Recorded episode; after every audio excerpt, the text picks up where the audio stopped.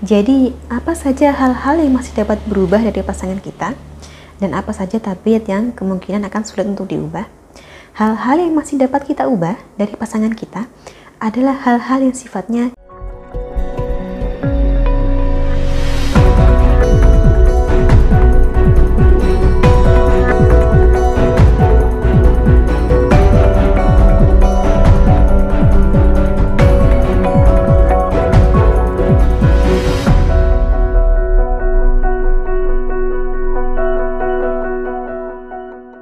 Salam Rahayu dengan Dewi Suntari di sini. Apa kabar Anda? Saya doakan semoga selalu sehat dan senantiasa diberikan kemudahan serta kelancaran di mana pun Anda berada. Kali ini kita akan kembali membahas seputar relasi alias hubungan. Anda mungkin masih ingat beberapa waktu lalu kita sempat membahas seputar bisa tidaknya kita merubah watak seseorang. Ketika itu saya sampaikan bahwa bila tujuannya adalah mengubah watak maka akan sulit Sebab ilmu pelet pengasihan seampuh apa pun lazimnya bekerja dengan cara mempengaruhi perasaan seseorang, menjadikannya lebih kasih, lebih sayang, lebih perhatian, bukan dengan mengubah wataknya. Bagaimanapun, watak adalah sesuatu yang sulit untuk diubah. Jadi bila sejak awal kita sudah tahu watak orang ini tidak seberapa baik, mestinya kita bisa mempertimbangkan orang ini dengan lebih bijak.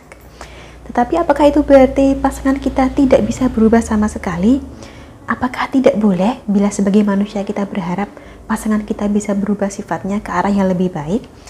Tentu saja, ada hal-hal yang tetap bisa berubah dalam kapasitas kita sebagai manusia. Namanya manusia tentu saja bisa berubah, asal ada kemauan dari dalam diri kita. Dan adalah wajar bila kita berharap bahwa pasangan yang kita kasihi suatu saat akan dapat merubah sifatnya ke arah yang lebih baik. Bukan demi kenyamanan kita, tetapi demi kebaikan pasangan kita sendiri juga. Jadi, apa saja hal-hal yang masih dapat berubah dari pasangan kita, dan apa saja tabiat yang kemungkinan akan sulit untuk diubah? Hal-hal yang masih dapat kita ubah dari pasangan kita adalah hal-hal yang sifatnya kebiasaan buruk. Kebiasaan buruk ini ada kalanya menjadikan kita jengkel dan memang tidak ada salahnya bila diubah secara bertahap. Contoh sifat yang masih dapat diubah adalah kebiasaan makan berantakan kebiasaan terlambat, atau juga kebiasaan lupa mengunci rumah sebelum pergi.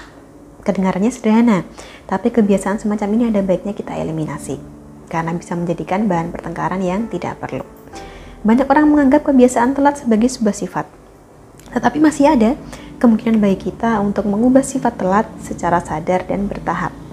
Bila pasangan Anda memiliki kebiasaan buruk semacam ini, maka sampaikanlah, tetapi bukan untuk menggurui, bukan untuk menegur, melainkan sampaikanlah dengan menjelaskan secara jelas mengapa Anda tidak menyukai kebiasaan tersebut. Lama-kelamaan, pasangan Anda akan lebih mengerti dan berupaya untuk mengubah kebiasaan buruknya ini. Itu untuk hal-hal, sifat, atau kebiasaan yang memang masih bisa diubah. Sebaliknya, ada hal-hal yang akan sulit diubah dari pasangan kita.